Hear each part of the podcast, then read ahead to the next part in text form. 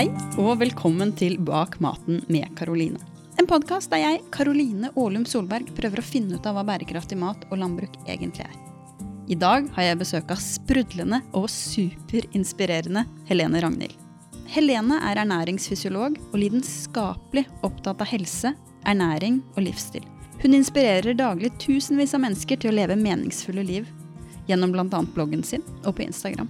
I denne episoden utforsker vi hva det betyr å leve bærekraftig, hvilken betydning det har å slippe kontrollen og lytte innover, og hvorfor ro og matglede er så viktig når man spiser. I tillegg snakker vi masse om det kjempespennende og viktige temaet tarmhelse. Hva skal man f.eks. spise for å få en sunn tarm? Hvorfor er det egentlig så viktig med tarmen? Hvis du liker denne podkasten, så hjelp meg veldig gjerne å nå ut til flere ved å legge inn en anmeldelse eller rating på iTunes eller Apple Podkast. Følg også gjerne Bak maten med Karoline på Instagram. God lytt! Hei, Helene. Velkommen. Hei! Tusen takk for at jeg får komme. Jo, bare hyggelig. Veldig, veldig hyggelig å ha deg her.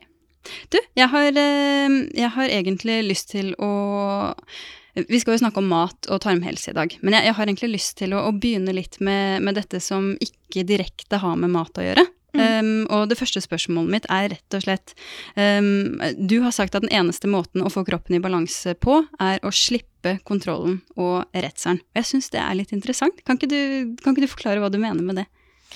Jo, selvfølgelig. Um, jeg har jo studert ernæring for det som begynner å bli noen år siden nå. Og da går vi veldig inn i alle komponenter av mat. Vi liksom dissekerer litt hva mat er. Næringsstoffer og veldig sånn enkeltkomponenter, og snakker om hvordan enkelte ting påvirker helsen vår. Og det er jo også sånn kostholdsrådene litt er, at vi snakker mye om at vi skal ha så og så mange prosent omega-3, og liksom mye sånne ting som gjør at uh, det blir vanskelig for oss å komme Altså, vi kommer litt bort fra hva mat er, og hvor viktig det er å spise for å føle seg bra på mer enn bare å begynne å liksom sette sammen enkeltkomponenter. Så det er litt for mye regning, litt for mye telling, veiing. Og det er noen ting som når du først kommer inn i det og lærer mye om det, så er det lett å bli veldig besatt. Og nå har jeg jobbet med noen tusen kunder um, i min uh, karriere, kall det, så langt. Og det er en ting jeg ser går igjen hos de som ofte er aller flinkest med mat. Og der var jeg også selv. At jeg var veldig opptatt av de små detaljene. Veldig opptatt av å kontrollere. Veldig redd for å spise feil. Og dette skaper et såpass stort stress i kroppen. Og vi kan jo ikke skille mellom psyken og det fysiske. Så da ser jeg at eh, for å faktisk komme i balanse og virkelig få den gode helsen, så er vi nødt til å gi slipp. Fordi uansett hvor mye vi teller og prøver å kontrollere maten, så kan vi ikke kontrollere hvordan maten påvirker kroppen. For det er så komplekst at uh, Jeg har et sånn eksempel som jeg pleier å i forhold til å gå opp i vekt. At hvis du går opp ti kilo på ti år, og så begynner vi å regne på hvor mye kalorier det er per dag at du har spist ekstra, så er det så mye som to mandler eller tre skjæringtomater. ja, ikke sant. Sånn at hvis det hadde vært så enkelt som å bare spise mindre og trene litt hardere, som det på en måte er, men samtidig så komplisert, så hadde vi alle bare hatt en god vekt. Eller vi hadde gått opp fem kilo etter julehelgen, ikke sant. Ja, ja. Så det handler mye om å virkelig begynne å lytte til kroppen, og ja, gi slipp på den eh, Det har i hvert fall vært ekstremt viktig for meg, og jeg ser det i forhold til kunder. Og det aller beste jeg hører, er jo at de har fått et helt nytt syn på mat. At de har klart å slippe mm. den derre ja og nei og hvor mye man skal ha, og at det er faste regler, fordi det trenger det ikke å være. Men du sier jo at vi må bli flinkere til å lytte til kroppen. Men jeg mm. opplever jo at vi lever i en tid hvor de aller fleste av oss kanskje ikke har kontakt med kroppen vår i det hele tatt, og vet hva vi vil. Da. Har du noen tips på en måte for å, uh, å, å lære oss å kjenne hva kroppen egentlig trenger? Ja, det er jo å begynne å lytte. Uh, og så er jeg veldig fan av å bruke meditasjon, avspenninger. Yoga kan være kjempefint. Jeg merket selv når jeg begynte med yoga, og jeg er virkelig ikke noe sånn yogi som gjør yoga hver dag, skulle ønske det.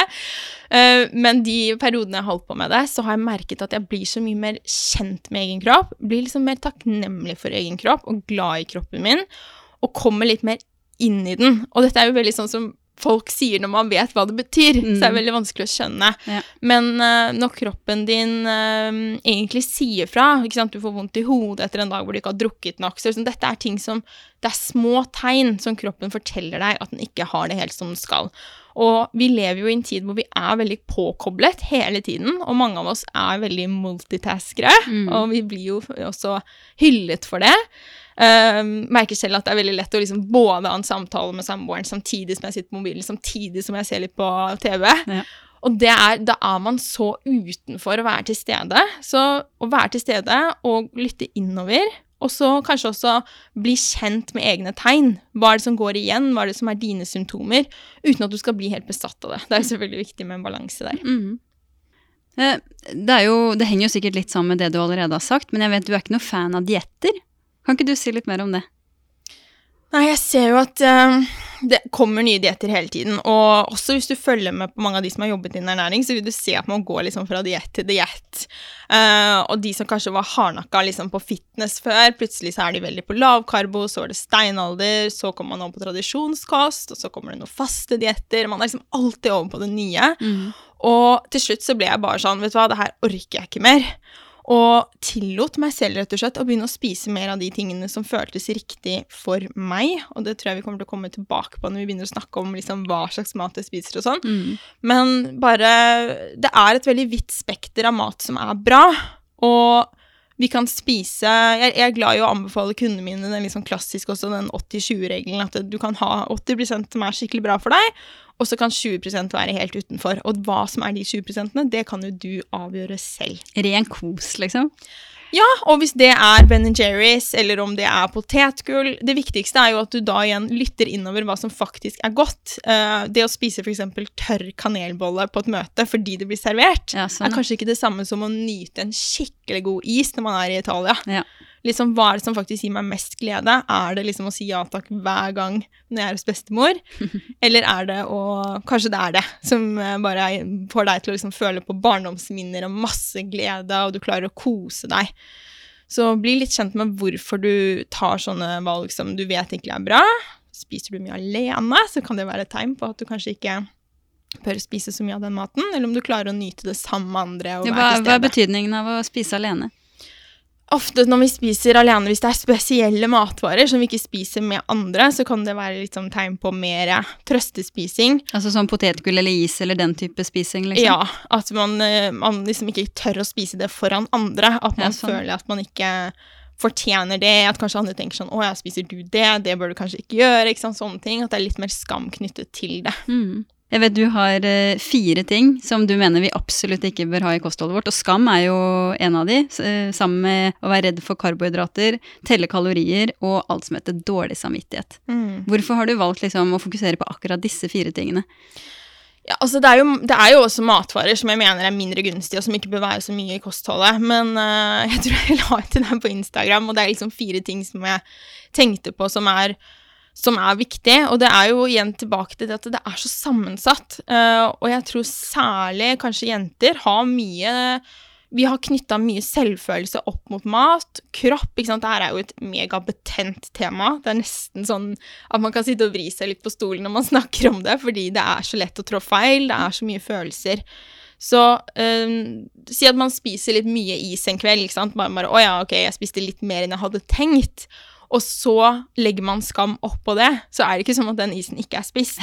Det er ikke sånn at det gjør Nei. at du føler deg bedre. Nei. Veldig ofte så vil jo det igjen føre til tanker som at nå har jeg først ødelagt alt, så kan jeg bare fortsette, jeg kan like liksom godt begynne igjen på mandag. Mm. Mange ting som vi tenker som når vi tar det litt sånn ut over oss selv og ser litt på det, så er det ikke så rasjonelt, men veldig mange av oss sier sånne ting til oss selv likevel. Mm. Og gjør saken egentlig verre enn det den, det den var i utgangspunktet. Ja, fordi at det å spise is har ingenting med at du er et mislykket menneske, mm. eller at du ikke uh, fortjener å, å ha det bra. Og det er uh, veldig mange av oss har rett og slett knyttet liksom, prestisje til mat, og at det er og da snakker jeg altså veldig fra egne erfaringer. Det er ikke eh, sånn at jeg sitter på noen sånn høy hest og liksom alltid Mm. har spist kjempebra. Så det er så, det er så tett knyttet Mm. til følelsene våre. Og det er bare å begynne å bli litt bevisst på hvorfor du tar de valgene du tar. Det er um, et stort steg, da. Men jeg kjenner jo akkurat det her med, med matglede, f.eks., er noe jeg har blitt veldig bevisst på i det siste. Og, og blitt veldig opptatt av å spise sunt, da. så glemt litt det der at, vi skal, at jeg skal kose meg med maten. Og det, Mm. det var en litt sånn må si det var en litt sånn sorg eh, da det gikk opp for meg, da. At jeg har, eh, jeg har glemt å kose meg med maten i kanskje flere år, da. Mm. Mm. Og ikke minst så kjenner jeg på, personlig, eh, veldig på det at hvor mye tid jeg har brukt på å tenke på mat og vekt og hvordan jeg ser ut. Ja. Og at den tiden kunne jeg sikkert brukt på å ta tre master istedenfor. så jeg skulle ønske en alltid folk spør sånn Er det én ting du skulle ønske at du sa til deg selv når du var yngre, så var det det. Åh, ikke bruk så mye tid på det. Ja. Og så ser man tilbake på bilder og tenker sånn Fy søren, jeg var jo så fin! Hvorfor var jeg så opptatt av det, liksom? Mm. Så det er kjempeviktig. Mhm.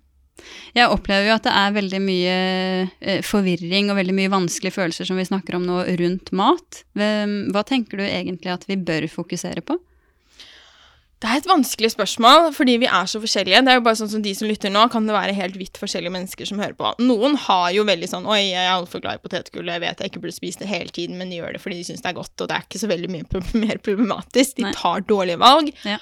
Og eh, ofte så når jeg jobbet uh, med menn, så sier jeg at de er ofte litt enklere. Mange av de i hvert fall. Jeg skal ikke generalisere for mye, men Jeg kan stille meg bak det. ja.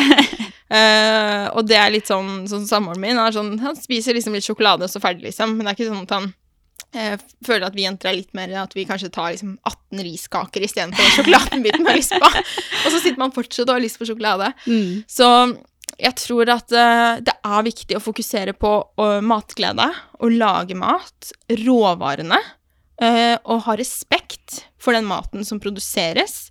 Der har vi jo langt å gå i forhold til hvor mye som kastes. ikke sant? Det her vet du mye mer om enn eh, meg. Men, men det er viktig å fokusere på å lage mat sammen og spise sammen. Og jeg er veldig bevisst på dette rundt mitt eget barn. Jeg har jo en jente som er begynner å nærme seg tre år.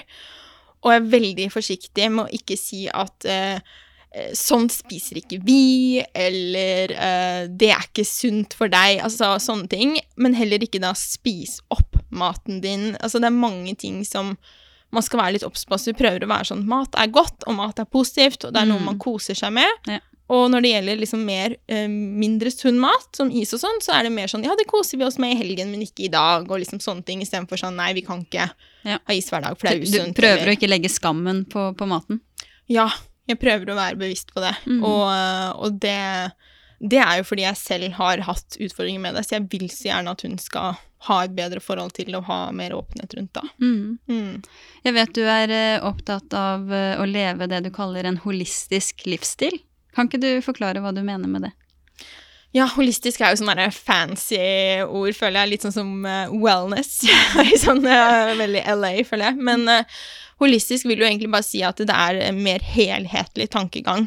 Så um, i forhold til behandling av uh, kropp og sånne ting, så handler det om å se uh, kroppen som en helhet. Det er ikke sånn Veldig mange av de som kommer til meg, de har utfordringer med én ting i sin kropp, og så vil de gjerne fikse det. Men det er nesten alle rådene er de samme, uansett hva som er galt med kroppen. Uh, når det er gjelder maten.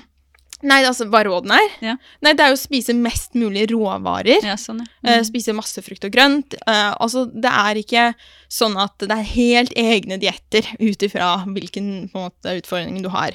Og en ting som jeg på en måte føler at jeg må hamre inn hele tiden, er dette her med stressmestring. det å liksom, Så for å si det sånn, da, så kan du tenke på at den maten du spiser, er kjempeviktig. Det er jo bensinen som kroppen din får. Men det er også kjempeviktig at du har det bra, at du har gode relasjoner, at du har mennesker rundt deg som du koser deg med, at du har liksom den der hverdagslykken er så viktig for meg. De små Mm. tingene i hverdagen som gjør at hver dag og hverdag blir bra. At du har eh, ro og føler at du liksom du får ro, altså hatt um, hvile og pauser i livet ditt. At du beveger deg. Så det er veldig mange ting som spiller inn for god helse. Mm. Og det jeg ser, er at veldig mange som blir veldig opptatt av maten, hvis de ikke er villige til å åpne seg litt for mer Mange er sånn ja, men 'Jeg er ikke stressa, liksom. Jeg bare Men hva med det, hva med det, hva med det?' Altså, jeg ser det på en måte de skriver spørsmål til meg. At de er den der typen, da. At de er i det mindsettet. Og da klarer man ikke å fordøye maten godt. Da klarer du ikke å få helet kroppen. For det er jo i ro at kroppen får jobbet med å fornye celler og virkelig få skapt en god balanse. Mm. Ikke når vi er i stress. Så det er det jeg tenker om å være holistisk og tenke ja, Mm. kroppen som en helhet. Mm. Den podkasten handler jo i, i bunn og grunn om å finne ut hva bærekraftig mat og landbruk er, så jeg har lyst til å prate litt om bærekraft òg. Jeg har lyst til å begynne med hva, hva betyr bærekraft for deg? Bærekraft handler vel om å bruke jorden på en slik måte at den kan komme fremtidige generasjoner til nytte, at vi har respekt for naturen, og at vi utnytter ressursene på en god måte. Um, jeg har egentlig aldri tenkt over hva det betyr før. Litt sånn Men eh, det er i hvert fall det det betyr for meg. Mm. Og det har jo blitt mye viktigere for meg også etter at jeg fikk barn. Ja. Hvordan, hvordan da? Nei, det blir jo mye mer konkret. Det er liksom rett foran deg at noen andre skal vokse opp og kanskje bli påvirket av de valgene som du tar. Ja.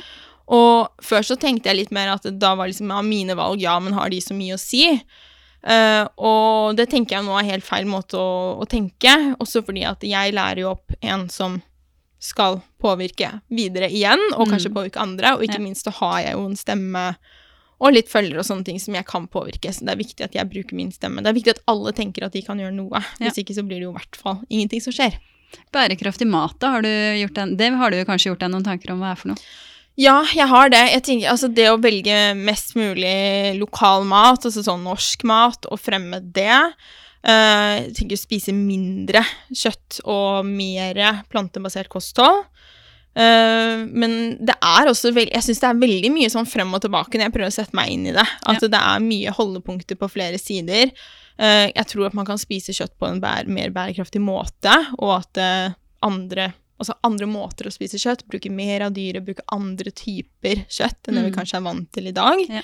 vil være bærekraftig. Uh, og så er det jo veldig mye av den der trendy maten, som også jeg er veldig glad i, som kanskje har blitt flydd eh, hele jorda rundt, og den er jo ikke så bærekraftig bare fordi den f.eks. er vegansk. Ja. Så det er jo et stort tema, og veldig jeg har Veldig sånn- ja, komplekst, og det Mm. er ikke mitt fagfelt. Det skal jeg jo si. Det er ikke noe jeg kan masse, masse om, men det er noe som jeg veldig har lyst til å lære mer om. Mhm. Ok, jeg har, eh, jeg har lyst til å gå tilbake til mat igjen. Um, for det er det jeg har lyst til å bruke mest tid på, eh, egentlig. Um, og jeg har lyst til å begynne sånn helt basic. Uh, og til de som på en måte um, ikke er overbevist da, over hvor stor rolle det spiller hva man spiser. Hva, hvorfor gjør det det? For det første så vil jeg bare si at eh, jeg bruker eh, veldig liten tid på å overbevise mennesker som ikke er overbevist. Jeg er litt sånn at folk får komme til meg. Eh, når jeg først uh, Min historie med mat er jo at jeg hadde ME, uh, la om kostholdet, og dette var en lang reise. Det var ikke sånn at jeg la om kostholdet også liksom etter to uker, så bare wow, jeg er frisk. Men eh, mat har hatt kjempestor betydning for hvordan jeg har kommet meg gjennom og blitt frisk, og fortsatt er frisk en dag i dag. Og det har mye å si for meg hvordan jeg har det i hverdagen. Um, og når jeg da liksom oppdaget hvor fantastisk mat var, og, og jeg begynte å studere ernæring, og det um, var jo drømmen min fra jeg var veldig, veldig ung, å studere ernæring. Uh, så når jeg liksom virkelig kom i gang med det, og jeg bare så besatt av å lese om ernæring, og både på skolen, men også utenfor, og da var det veldig sånn lett å bare Å ja, men du burde spise sånn. Og jeg liksom brukte mye tid på å snakke med andre om kosthold, selv om de kanskje ikke var så interessert. Og den, når jeg kom gjennom den perioden, så lærte jeg at det er jo ikke noe Det er ikke den personen jeg har lyst til å være, den der Messias som skal redde alle med maten. Så em, jeg vet at veldig mange spør meg også sånn Hvordan kan jeg liksom Mamma min har sånn, ha det så godt, da.' Eller 'Å, jeg vil så gjerne at eh, mannen min skal spise annerledes.' Sånne ting. Du kan ikke endre noen andre enn deg selv. Så beste tipset der er jo å være en inspirasjon heller enn å prøve å overbevise. Ja. Um, det er noe du må kjenne på kroppen, hvor godt ordentlig mat gjør. Og det trenger ikke å se ut som én bestemt diett, ikke sant? Det kan være mye forskjellig, men det er jo noen komponenter som, som går igjen i alle slags type kostholdsmønstre, hvis vi kan kalle det det. Så um, Hva da, for eksempel? hva da? Ja. Um, nei, det er også veldig mye råvarebasert. Jo mer man lager fra bunnen av, og nå har det også kommet noen gode studier på det, hvor man har sammenlignet mer sånn prosessert mat i forhold til hjemmelagd mat, og sett at i forhold til vektnedgang og metthet og inflammasjon og sånn.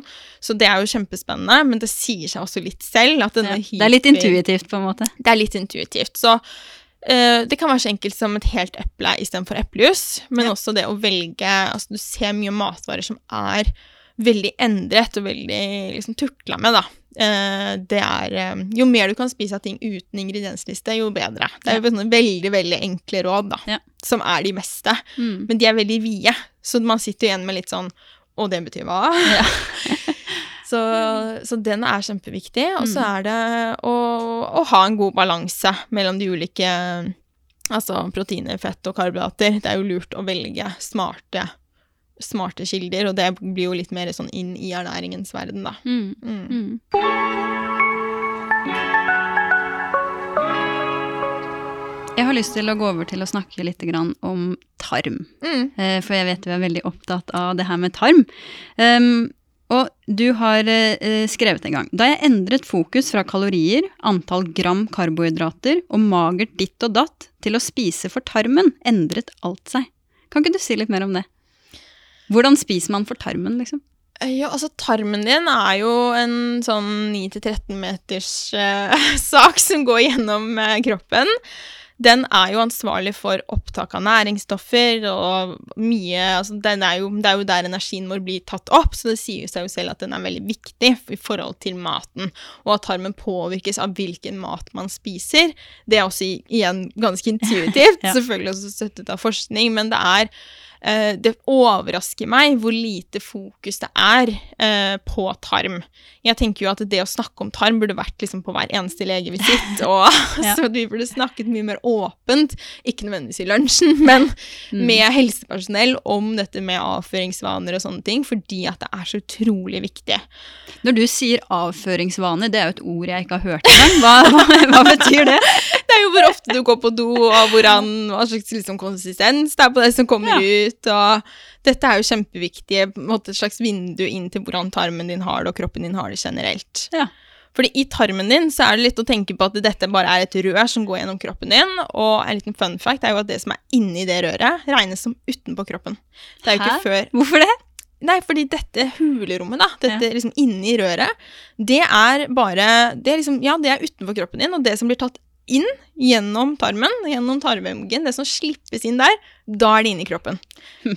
Og mellom, eh, altså inni det hullrommet så er det ett cellelag, da, som skiller innsiden eh, av altså deg fra innholdet i tarmen. Det er ett eneste cellelag som er så tynt som ikke engang et A4-ark hvis du snur det på, på kant, da. Mm.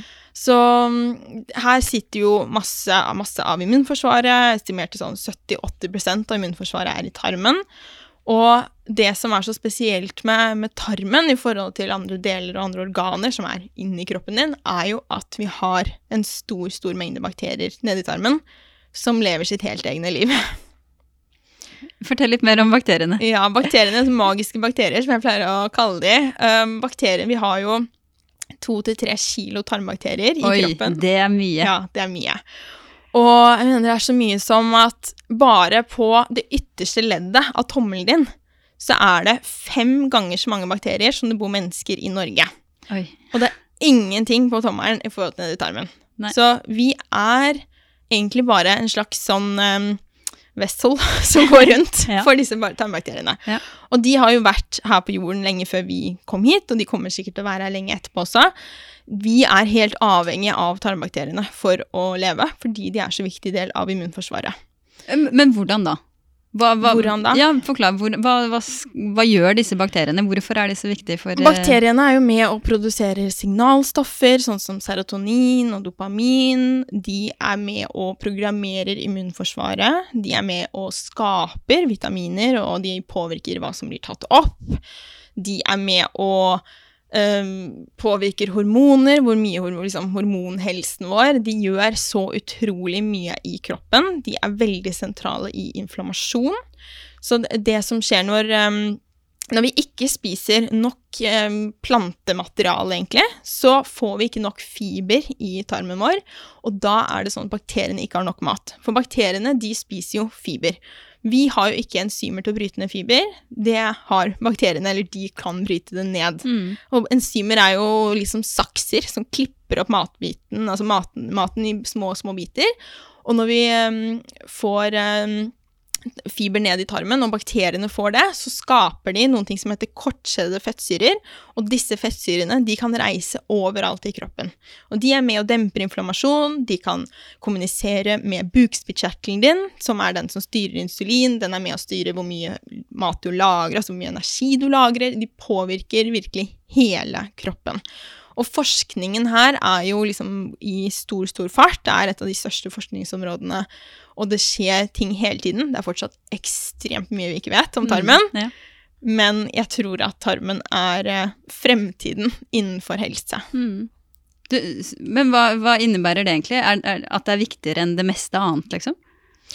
Ja, altså igjen så er jo alt en helhet, men når man ser at det kan være med å dempe inflammasjon, som er en sentral faktor i alle sykdommer, ja. så vil det være viktig, ja. Mm. Mm. Du er også opptatt av hvordan eh, tarmhelsen din påvirker psyken din, og mm. hvordan man har det. Eh, for meg så er det helt sånn wow. Mm. Hvordan, hvordan går det egentlig an? Det er jo annet med produksjon av disse nevrotransmitterne. Serotonin, som er liksom gledeshormon, som er sånn yes, man liksom er glad og lett, og dopamin, som er sånn at liksom når du får til noe, at du kjenner på glede. Så dette er jo veldig viktig for at du skal ha det bra. Så man ser det at det er eh, mest av alt man ser på grupper av mennesker eh, og ser at de har en endret tarmflora. Og så er det vanskelig å si hva som er liksom høna eller egget. Så igjen, det er veldig lite vi vet. Men for meg som, ehm, som altså Ut ifra min historie, så er det sånn at når jeg hadde ME og var veldig syk, så fikk jeg tilbud om å være med forskjellige studier, og det var veldig mye snakk om ja, når forskningen kommer og sånne ting. Og så. Den forskningen har det ikke skjedd noen ting med. Og jeg har levd frisk i seks år. Så jeg tenker at eh, vi må også gå litt ut ifra det vi vet. Og det vi vet, er jo at å spise bra mat, ja. det ser man er sunt. Mm. Og om det kommer da om 20 år at man sier ok, det var ikke pga. tarmbakteriene, nei vel, men da spiste du i hvert fall denne sunne maten. Ja. Så jeg tenker at det er veldig viktig. Um, det er veldig opptatt av altså forskning og sånne ting, men i forhold til med helse så er det litt vanskelig. Fordi det er så mye vi ikke klarer å forske på så enkelt. Mm. Og det er blant annet disse tarmbakteriene, fordi at når vi tar dem ut av tarmen, så er det veldig mange av de som ikke overlever. Så det er ikke bare å liksom ta innholdet ut og sitte og forske på det. Nei. Og mange tenker at vi har kommet dit at vi kan liksom gi spesifikke råd om å styrke eller ta tilskudd av én og én bakterie og sånne ting. Der er vi ikke.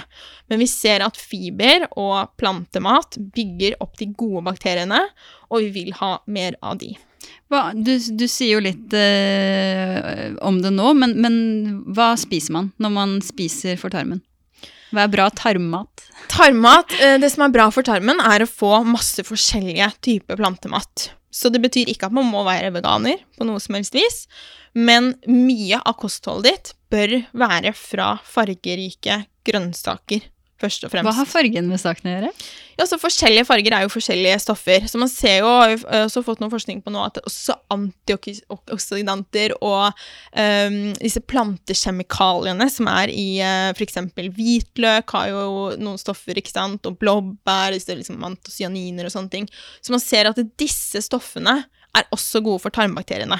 Så jo flere forskjellige typer matvarer, så gjerne uh, gå i butikken, og så velger du forskjellige typer farger og forskjellige typer grønnsaker, og gjerne test noen du ikke er så vant til. Kanskje du bare 'Å ja, aubergine, hvordan bruker jeg det?' ikke sant? Mm. Google det. Nå finner du jo trillioner oppskrifter på nett. Ja. Så det å prøve å få mange forskjellige. Uh, og vi ser også at forskjellige bakterier liker forskjellige typer fiber. Så det er viktig å variere. Så jo mer du kan variere, jo bedre. Jeg har også hørt at det er viktig å spise litt rå mat, i den forstand at når man, når man koker i hjel mat, så, så, blir det ikke så mye bakterier igjen. da. Og at man nærmest kan liksom gå på jordet og så sleike på en gulrot med litt jord på og sånn, og så er det egentlig veldig bra, da. Ja. Um, vi er jo veldig uh, vant til veldig sånn ren og pen mat, uh, og det er også sånn jeg vokste opp. Um, ikke vært så mye på jordet og dratt opp gulrøtter eller sløya fisk, noe særlig, når jeg vet mamma kan det. Uh, og det er jo også noe med at vi har kommet så langt unna matproduksjonen at vi liksom er vant til at ting kommer sånn ferdig, og at alle gulrøttene skal være like og sånn. Men litt sånn jord fra en uh, gulrot, hvis den har levd i sånn god jord, det kan være gode bakterier. Så lenge man ikke er gravid eller veldig utsatt, så skal ja. man jo være forsiktig med det. Ja. Men uh, stort sett så kan det være veldig fint å få i seg litt mer bakterier. Og det er egentlig den livsstilen jeg anbefaler. i forhold til, Nå har vi en spesiell situasjon akkurat nå, ja. men det å eh, for Da tenker du på korona? Da tenker jeg på korona. At vi eh, skal ikke være så redd for bakterier øh, i hverdagen. For bakterier er vennene våre, egentlig. Ja. Stort sett. Ja. Og det å De som er veldig, veldig skånet, og som vasker veldig mye, og som vi ser jo f.eks. når vi sammenligner grupper av folk som har vært mye ute og mye inne, så vil det være mer allergi hos de som har vært mer inne, f.eks. Og øh, å vokse opp med husdyr, altså ikke husdyr bare, men øh, hund og katt, altså kjæledyr, det ser man også er positivt for immunforsvaret, fordi man får en bredere, et bredere spekter Ja. av bakterier. Ja. Så vi har vært veldig avslappa på det med vårt barn, og latt henne liksom spise på ting og krabbe på gulvet og sånne ting, og være ute og Jeg leste, leste til og med på, på Instagram-profilen din, eller på bloggen din, jeg husker ikke helt, at, eh, at du gjerne kunne la datteren din løpe rundt på, eller krabbe rundt på kjøpesentergulvet, og du bare ja, masse gode bakterier. Ja, ja. Jo mer man får uh, bli eksponert for når man er liten, jo sterkere blir man jo. I dag så er det jo sånn at det er veldig mange som, som sliter med magen og har eh, irritabel tarm, som det heter, eller bare er veldig oppblåste, mye symptomer og finner ikke helt ut av hva det er for noe. Har du noen tanker om, om hvorfor det er sånn? Ja, jeg syns det er eh, et paradoks at så mange av oss er allergiske mot det som er sunt for oss, allergiske mot naturen. Eh, det virker i hvert fall for meg, da, uten at jeg har noe sånn tall på det, at veldig mange har utfordringer også med pollensesongen. ikke sant? Vi, liksom, vi tåler ikke naturen, rett og slett. Eh, og dette ja, kan være knyttet til det at vi spiser for snevert. Um, men når det gjelder IBS og sånn, så er det ofte knyttet Som er irritabel ja, irritabel tarm, ja. Ja. Uh, irritable bowel syndrome. Så er det sånn at uh, vi um, også Det kan være knyttet til mye stress. Der ser man en helt klar sammenheng, fordi stress både påvirkes av tarmen, men også så påvirker stress tarmen. Så det er jo en sånn eh, Ja. loop, da. Ja. Uh, men også antibiotikabruk, som uh, vi nå begynner å bli flinkere på, men det har jo vært mye brukt før. Jeg er oppvokst um, bodde en del år i USA da jeg var liten, og der ble jeg jo uh, virkelig peisa på med antibiotika. Gikk masse på det som liten. Da fikk man det for um, øreverk, fikk jeg det, urinveisinfeksjon, ikke sant. Alt det her. mm. Så, så det er det mange som har, um, jeg har liksom fått litt sånn snevrere bakterieutvalg, da. Og når man ikke da tåler å spise fiber, så er jo det et helt klart tegn på at du ikke har den type bakterieflora som du skal ha, hvor bakterier nedi tarmen din tar seg av å bryte ned det fiberet. Hvordan ser den prosessen ut da, hvis man på en måte er der hvor man nesten ikke klarer å spise noen ting, og har lyst til å bare droppe alt fra kostholdet? Hva, hva anbefaler du folk å, å gjøre da? Ja, vi ser jo helt klart at um, FODMAP-dietten, men også dietter som Hva, eh, forklar hva det innebærer. Uh, ja, uh, FODMAPs er jo uh, type karbohydrater som inneholder mye fermenterbart fiber, altså det er liksom fermenterbare karbohydrater, som, eh, som ofte er problematiske med IBS, rett og slett fordi at dette er matvarer sånn som hvitløk, løk, eh, avokado, mango, ting som eh, har mye fiber, og som eh, lett kan skape eh, gass og sånn når man ikke har eh, tarmfloraen helt i orden.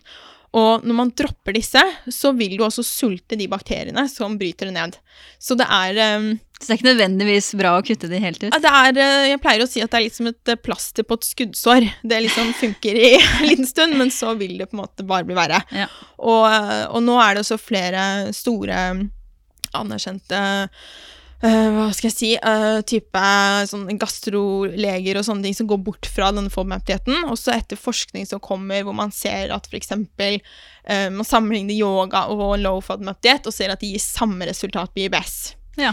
Sånn at eh, vi vet at det gjør at vi får en snevrere bakterieflora. Men dette gjelder også sånne veldig veldig lavkarbodietter, hvor man ikke spiser nok grønnsaker og nok forskjellige typer grønnsaker. Um, lavkarbodietter kan inneholde mye grønnsaker, men man kan jo gjøre de på forskjellige måter. Ja. Type sånn carnivore diet som noen driver med nå, og sånne ting. Så Bare spise kjøtt? Ja, man ser etter bare en uke, så ser man negative effekter på tarmfloraen. Hm. Så det er jo et eh, Det er liksom paradoks, da. Eh, og etter at den dietten kom med low FODMAP og ble solgt inn som en sånn kur på IBS, um, så ja, den kan gjøres på en riktig måte, men veldig ofte så blir den bare nevnt av en lege på et legekontor at bare 'Å ja, endelig har jeg noe som kan hjelpe min pasient som sliter med magen'.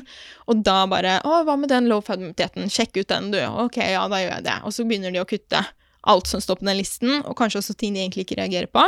Så det er viktig å bli kjent med din egen tarm, og så er det veldig viktig å begynne å trene opp tarmen forsiktig. ok, Hvordan trener man opp tarmen? Se på tarmen litt som en muskel, at okay. du vil bli støl hvis du begynner å spise. Uansett, sånn som mange Jeg er veldig glad i hummus, og deler jo hummusoppskrift på bloggen. Og så er det mange som bare 'Å, jeg ble så oppblåst av hummus'. Men hvor mange av oss er det egentlig som er oppvokst med å spise type kikerter og sånn, mye sånne ting? Det er jo ikke vanlig norsk kost, ikke sant, og i hvert fall ikke vært det fra i mitt kosthold da jeg var liten. Så da vil det være helt naturlig at du blir litt oppblåst i starten, men det er ikke farlig. Det å bli oppblåst i magen, det er ikke tegn på at det er inflammasjon i tarmen din, eller at det er skadelig. Det er rett og slett luft som skapes av bakterier som bare wow, det ble litt mye fiber nedi der. Ja. Så det å se på det litt som at du trener deg opp, begynne forsiktig, kanskje ikke gå rett på å spise liksom en stor porsjon med hummus, men å begynne litt forsiktig med å ha litt kikerter i salaten, f.eks. Og så er det veldig fint å behandle maten best mulig ved å bløtlegge, gjerne varmebehandle, sånn at det blir litt lettere å fordøye. Hva skal bløtlegges, og hva skal varmebehandles? Det er jo masse forskjellig informasjon, men gjerne belgvekster og nøtter og frø er fine å bløtlegge, sånn at de blir lettere å fordøye. Hvorfor blir de lettere å fordøye?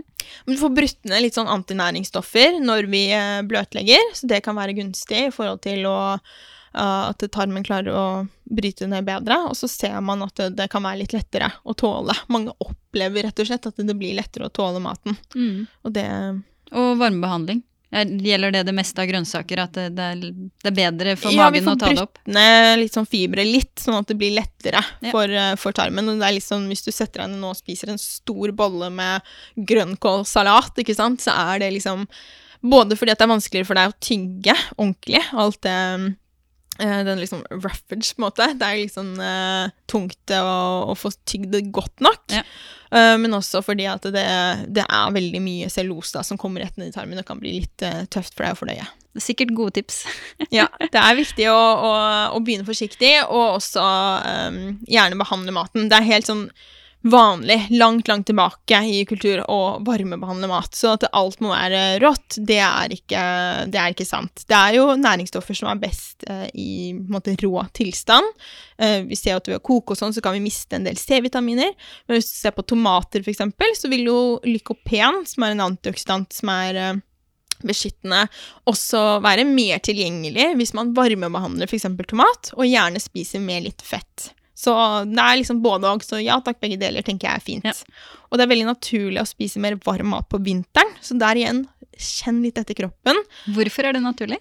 Fordi vi er kaldere, og da er det også litt lettere. Altså, vi trenger liksom mer å, å få varme i oss. Um, så det å helle liksom innpå uh, en iskald smoothie Hvis du står ute og hutrer, så kan du tenke deg hvordan det er for fordøyelsen. Det også er jo litt intuitivt. Ja, det er veldig mye som er intuitivt innenfor mat, hvis ja. du tør å begynne å lytte litt etter. Ja. Mm. Men jeg tror jeg, opplever at man er så vant til å bli fortalt utenifra hva man skal gjøre, da. Og kanskje det er med å bidra til at man, man syns det er litt vanskelig å faktisk stole på seg selv, da. Mm. Ja, det er kjempeviktig det du sier der, og det tror jeg også er uh, en ting som har vært litt sånn um, kjepphest for meg. Liksom det der med å ta ansvar for egen helse. For jeg satt i så mange år, år på legekontor og fikk beskjed om at uh, de fleste kvinner har en del vondt i magen, så det måtte jeg bare tåle. Uh, og at jeg hadde fått denne sykdommen MS, og sånn var det. Og den var mest sannsynlig kronisk, og i hvert fall når jeg hadde hatt den så lenge, så var det nok det. Og til slutt så ble jeg litt sånn Kroppen regenererer seg hele tiden. Og hvis man skal på en måte la én persons kommentar da, uh, bestemme ditt liv. Og det er så utrolig mange Hvis du går til tre forskjellige leger, så kan du oppleve å få tre forskjellige svar. Mm. Uh, fordi man er uenig om ting, og det er veldig mye vi ikke vet. Så jeg tenker at det, det er viktig å ta ansvar for sin egen helse. Og bruk fagpersoner, spør om hjelp, absolutt, det er kjempeviktig. Men også å kjenne etter hva som føles riktig for deg, og det er jo generelt i livet også. Hva er viktig for deg i ditt liv, og hva gjør at du føler deg bra? Mm. Jeg har lyst til å, å prate om noen sånn spesifikke råvarer som jeg vet du er opptatt av. Jeg vet du bl.a. er opptatt av at belgvekster, sånn kikerter, linser, eh, bønner, sånne type ting, er veldig bra for tarmen. Hvorfor, Mm. hvorfor det? Fordi de er eh, altså Både vi ser at de kulturene hvor vi spiser masse av det eh, Det er en veldig spennende bok, og så er det også masse forskning på det med her med the blue zones, som er, handler om disse stedene rundt i verden hvor man lever lengst, og man har også god helse. Fordi målet, i hvert fall for meg, er jo å leve lenge med god helse. Jeg Ja. har brukt eh, ti år av livet mitt på å leve med dårlig helse, og det er ikke så veldig gøy. Så jeg har ikke tenkt å liksom leve med dårlig helse fra jeg er 40. Eh, så der ser man at uh, det spises mye belgvekster, og det er veldig gunstig for tarmen. Så, så jeg har tatt det litt inn i kostholdet mitt igjen. Det var en periode hvor jeg var veldig redd for det, også fordi at det, ba, det har vært mye sånn blest rundt lektiner og disse antinæringsstoffene. Men den, eh, det fins også noe forskning som sier at lektiner er sunt for oss. Hva er det for noe? Lektiner er et, eh, et antinæringsstoff. Det er, som, det er en del av liksom, eh, plantens beskyttelsesmekanisme. Eh, hvis du husker tilbake til når du gikk på barneskolen, kanskje du lærte om sånn hvordan frø spredte seg i naturen. Det er liksom via pels, som borer som setter seg fast. Veldig irriterende. Og så er det løvetann. Hvis du har hage og har løvetann, så vet du hvordan det er. Det sprer seg overalt. Mm. Og så er det jo med dyr sin avføring. At man spiser det, og så legger de fra seg et annet sted. Men alt vi legger fra oss, er jo i toalettskåla, forhåpentligvis.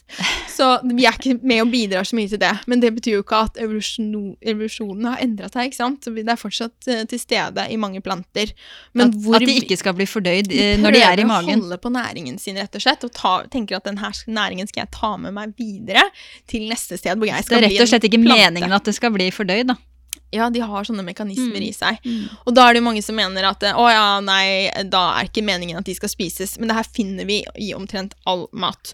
Og det er jo tilbake til liksom den redselen for mat, at hvis du begynner å lete, så kan du finne noe negativt med absolutt alle matvarer. Så det er eh, Du vil bare ikke go there. Det er bare kilden til redsel. Men eh, når man ser på disse befolkningsstudiene, så ser man jo at mennesker som spiser masse av det her, er veldig sunne, Mm. har god helse. Mm. Og det er også en del forskning hvor man har sett på å bytte ut liksom andre matvarer med å spise mer eh, belgvekster, og at det gir positive helseeffekter. Mm. Er det noen andre råvarer du har lyst til å trekke fram? Som er. Grønnsaker er jo selvfølgelig veldig viktig, og det føler jeg at uh, veldig mange tenker at de spiser nok grønnsaker, og nok uh, altså fem om dagen, og at man tenker ja, ja, fem om dagen er ikke mye, og jeg har jo da, jeg har da agurk på brødskiva, og liksom dette er ikke noe stress. Ja. Men de fleste får i seg altfor lite. Så det jeg vil se hos uh, kunder og hos andre, er jo at halve tallerkenen er full av grønnsaker. Og det er jo derfor det er så viktig, føler jeg, at for at vi skal snakke helse og få folk til faktisk spise sunt, at vi snakker om hvordan vi kan lage grønnsaker sånn at det smaker godt. Ja. Og ikke fokusere så mye på at det er så farlig med en klatt rømme, eller at det er så farlig om man bruker litt smør, eller om man bruker litt salt. Men heller snakke om hvordan vi kan lage mat som smaker godt, som er sunn for oss. Det tror jeg er en av nøklene til at vi skal bli sunnere. Mm. Selv om du ikke er så opptatt av å snakke om hva man ikke bør gjøre, er det noe råvarer du har lyst til å liksom trekke fram som, eh, som ikke så gunstig for tarmen? Ja, altså Ting som er veldig raffinert, er jo ikke gunstig. Så det å spise mye lyst brød uh, Og det kommer jo i mange forskjellige varianter. Er Jeg ikke tror du må forklare hva raffinert er. Raffinert er jo når vi har uh, prosessert matvaren sånn at det har f.eks. med korn, at man tar bort det ytre skallet, man sitter igjen med kjernen, som er den stivelsesrike delen. Eh, og dette gir jo lite næring, men også en, et høyere blodsukker eh, en høyere blodsukkerpåvirkning. Så jo mer eh, grovt man kan velge, men også at man jeg føler at vi snakker veldig mye om å velge grovt brød og, at vi, og grove produkter, og så spiser folk liksom brødskiver tre ganger om dagen, og så har man fullkornspasta, og så er man sånn Ja, men jeg valgte grovt, og da er kostholdet mitt sunt. Ja. Så det er jo ikke det at brød i seg selv eller fullkorn er usunt, men det blir litt sånn Det tar den plassen som jeg føler at grønnsaker burde hatt. At vi må ha fokus på hva som skal være fundamentet. Og brødskiven er jo bare det pålegget skal være på. Ja. Istedenfor å snakke så mye om den brødskiven, så kanskje vi skal snakke mer om hva som skal være på toppen, og hvordan Mm. du faktisk kan få et måltid med brødskiver, som vi er så innmari glad i i Norge. Du syns kanskje vi spiser litt for mye kornprodukter? Ja, jeg føler at det blir eh, noen ting som går igjen i alle måltider, og jeg ser det også veldig i, um, i, i barne... Altså kostholdet til barnet mitt. At det er det som anbefales, og som liksom er uh, det omtrent vi får beskjed om at bør sendes med. Uh, og det er det jeg ser også. ikke sant? Jeg legger jo merke til hva som ligger i handlekurven til han ja. foran meg, og jeg ja. ser hva andre har på matpakka, og da er det brødskiver. Og jeg tenker at det er ikke det at du aldri skal spise brød, men at det spises til alle måltider, det er jo ikke noe Det blir for ensidig, og det blir ikke nok farger i kostholdet ditt. Men akkurat, eh, Kan vi ikke snakke bare litt om det? For jeg syns dette med, med, små Jeg har jo en ettåring selv, eh, og syns dette kan være litt utfordrende. fordi hvis ikke alt skal moses, så er det jo litt vanskelig å få i henne grønnsaker. For det kan liksom ikke, hun er ikke så flink til å tygge det. ikke sant? Har Nei. ikke så mye tenner. Mm. Og så har vi liksom prøvd å være litt sånn kreativ med matpakka, og det tok faktisk ikke mange dagene før eh, vi fikk litt sånn pen beskjed om kan dere ikke ta med, prøve brødskive med leverpostei. Ja. Eh, To-tre ganger eh, syntes de liksom at det var for kreativ matpakke, og hun strakk seg liksom etter de andre sine matpakker og sånn. Og det er jo litt vanskelig når du liksom har da grøt til frokost, skal du ha grøt til kveld, så skal du ha brødskiver, og så hvis du skal ha pasta til middag, da. Jeg, mm. jeg, ja.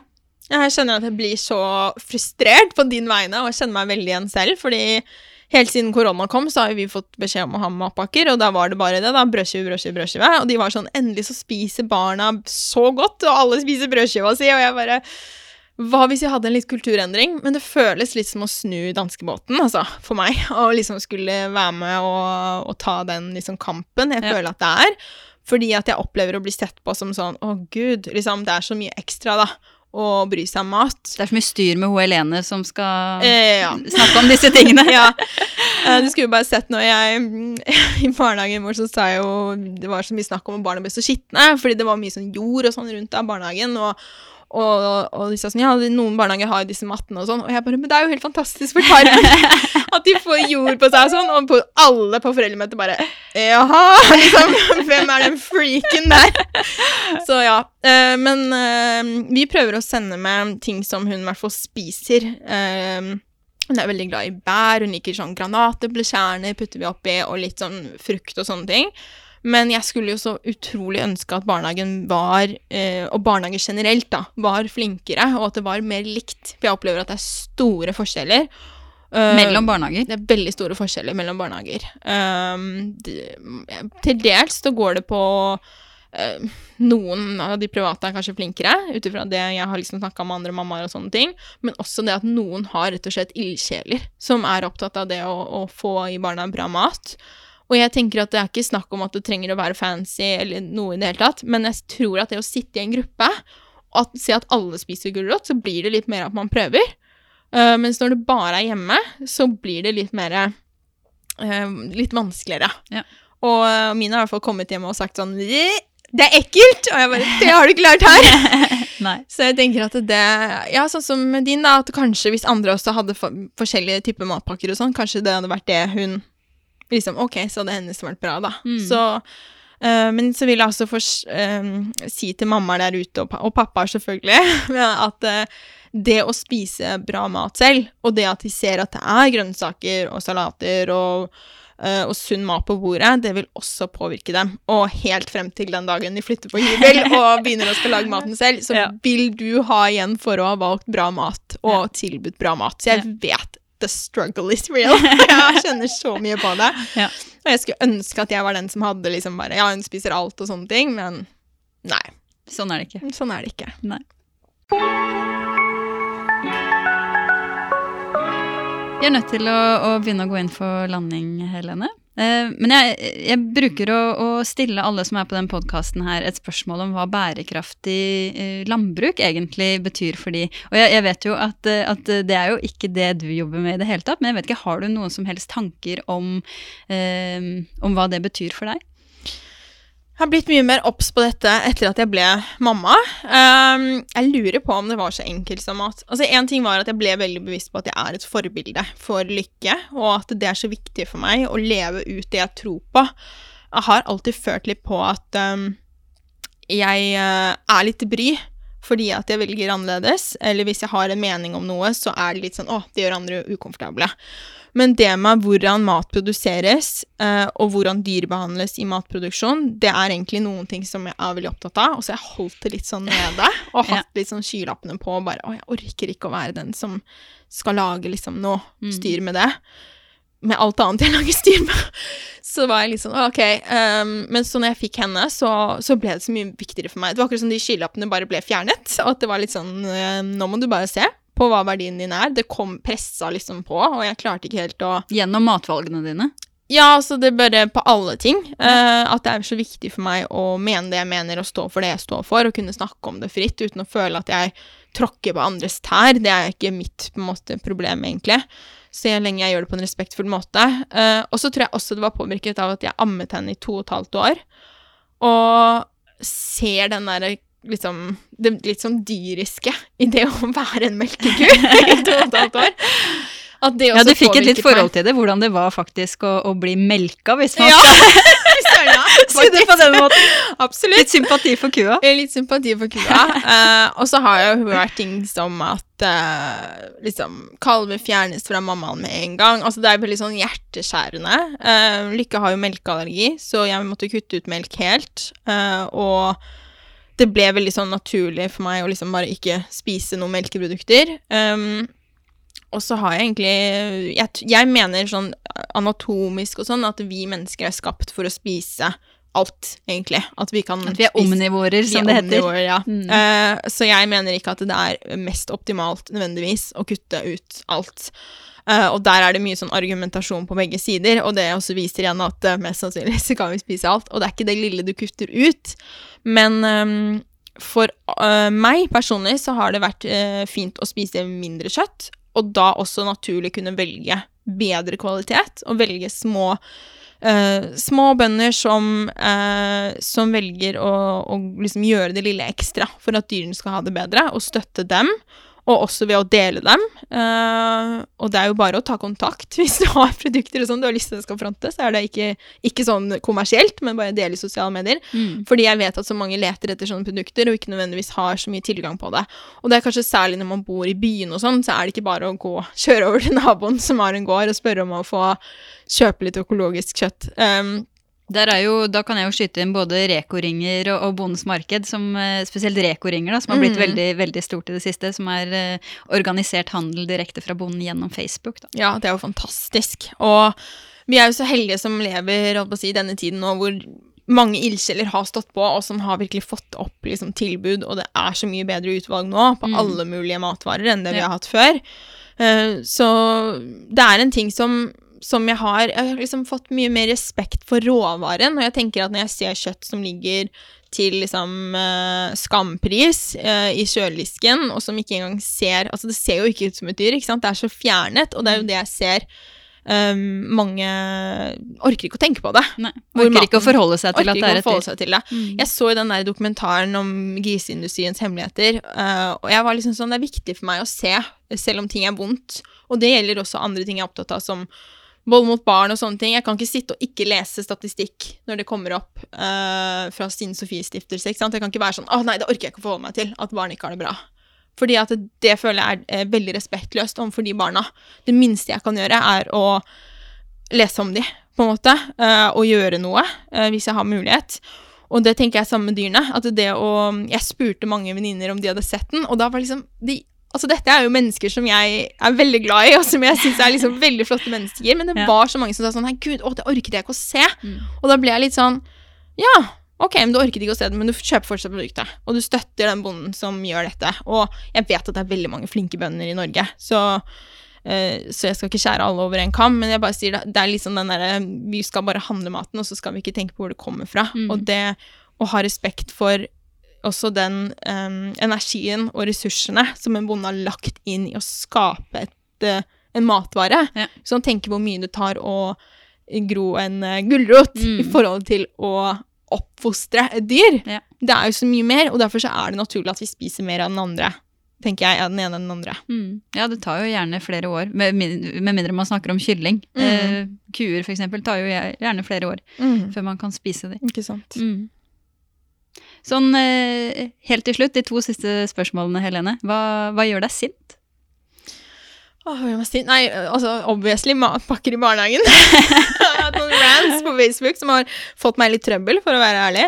Men um, hva som gjør meg sint? Urettferdighet. Uh, at mennesker er overlegne, falske. At uh, man tar seg retten til å ikke bry seg og til å avfeie andre. Um, og at andre er veldig lukket. Og liksom arroganse. Kanskje også særlig fordi jeg har opplevd mye arroganse fra, fra leger opp igjennom. Mm. Uh, at det at man tenker at uh, fordi man har en spesiell utdannelse eller spesiell rang, eller sånne ting, at man da liksom har en rett til å være overlegen overfor noen andre. Um, jeg mener jo at uh, respekt er noen ting som du på en måte får ut ifra hva slags menneske du er, og ikke hvor du kommer fra, eller Hva du har studert. Hva eller? du har studert, ikke mm, minst. Ja. og at veldig mange kan Faktisk nå når vi har så mye informasjon, og ja, det fins jo sykt mye rart på internett. Men det fins også PubMed, og det fins ja. også gode artikler du kan lese mm. og lære. Og det fins gode bøker som du kan lese og lære deg opp om hvordan du kan ta bedre vare på helsen din. Og det er du som er ekspert på din kropp, og det tenker jeg må møtes med respekt. Så de historiene hvor jeg føler at um, andre forteller meg at de har blitt avfeid, og ikke føler at de har blitt hørt, uh, og fått den um, uh, hjelpen som de fortjener, det gjør meg sint. Mm. Og helt til slutt, hva gir deg håp? Det er åh, unge mennesker som står på og uh, jobber for det de tror på. At uh, folk er ildsjeler og er villige til å, uh, hele tiden jobbe fremover. Og så ser jeg jo også at ut ifra mat og bærekraft og dyrevelferd og sånn, så ser vi jo til og med nå i um, reklamene som går på TV, at det her er noe mange liker. Mm. For når man ser det i markedsføringen til de store produsentene, så tyder det på at mange små som har vært veldig um, høylytte og stått på, at det har hatt en påvirkning, og at vi faktisk tar andre matvalg. Hvis ikke så hadde de aldri brukt mange, mange, mange milliarder på å snu om og gjøre om og reklamere for det. Så mm. det gir meg håp for at vi faktisk er på vei til å, til å ta bedre valg for fremtiden. På vei mot en bærekraftig verden. Ja. Tusen takk for at du kom, Helene. Tusen takk for at jeg fikk komme. Denne episoden er laget av meg, Karoline Aalum Solberg, og musikken er produsert av Creo og Lyro Sever. Om du vil dele ris eller ros, så finner du meg på Instagram under Bakmaten med Karoline, og på karoline at bakmaten.no. Tusen takk for at du hørte på denne episoden, og husk at det utgjør en stor forskjell om du legger igjen en anmeldelse eller rating på iTunes eller Apple Podkast. Vi høres igjen neste uke. Ha det!